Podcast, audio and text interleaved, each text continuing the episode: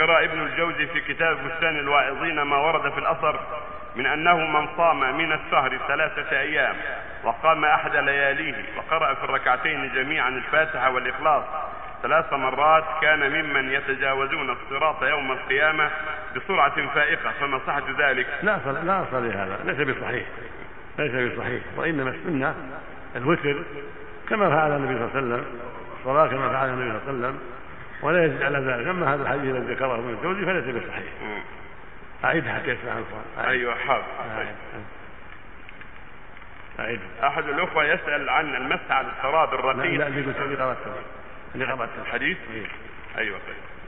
آه، ذكر ابن الجوزي في كتاب بستان الواعظين ما ورد في الأثر من أنه من صام من الشهر ثلاثة أيام وقام أحد لياليه وقرأ في الركعتين جميعا الفاتحة والإخلاص ثلاث مرات كان ممن يتجاوزون الصراط يوم القيامة بسرعة فائقة. أما على هذه الكيفية فلا لا يصح. أما صيام ثلاثة من كل شهر هي ثابتة. صيام ثلاثة من كل شهر والوتر مشروع مأمور به. أما كونه يقرأ الفاتحة ويقول والله ثلاث مرات أو يق- يق- يق- يقوم ليلة من الشهر فقط هذا لا لا أصل. بل السنة يقوم جميع الليالي. السنة يوتر من جميع الليالي. ويقرأ الفاتحة وما تيسر معها وليس بشرط يكون قل هو الله ثلاث مرات. ما تيسر المقصود هذا الحديث بهذا اللفظ غير صحيح.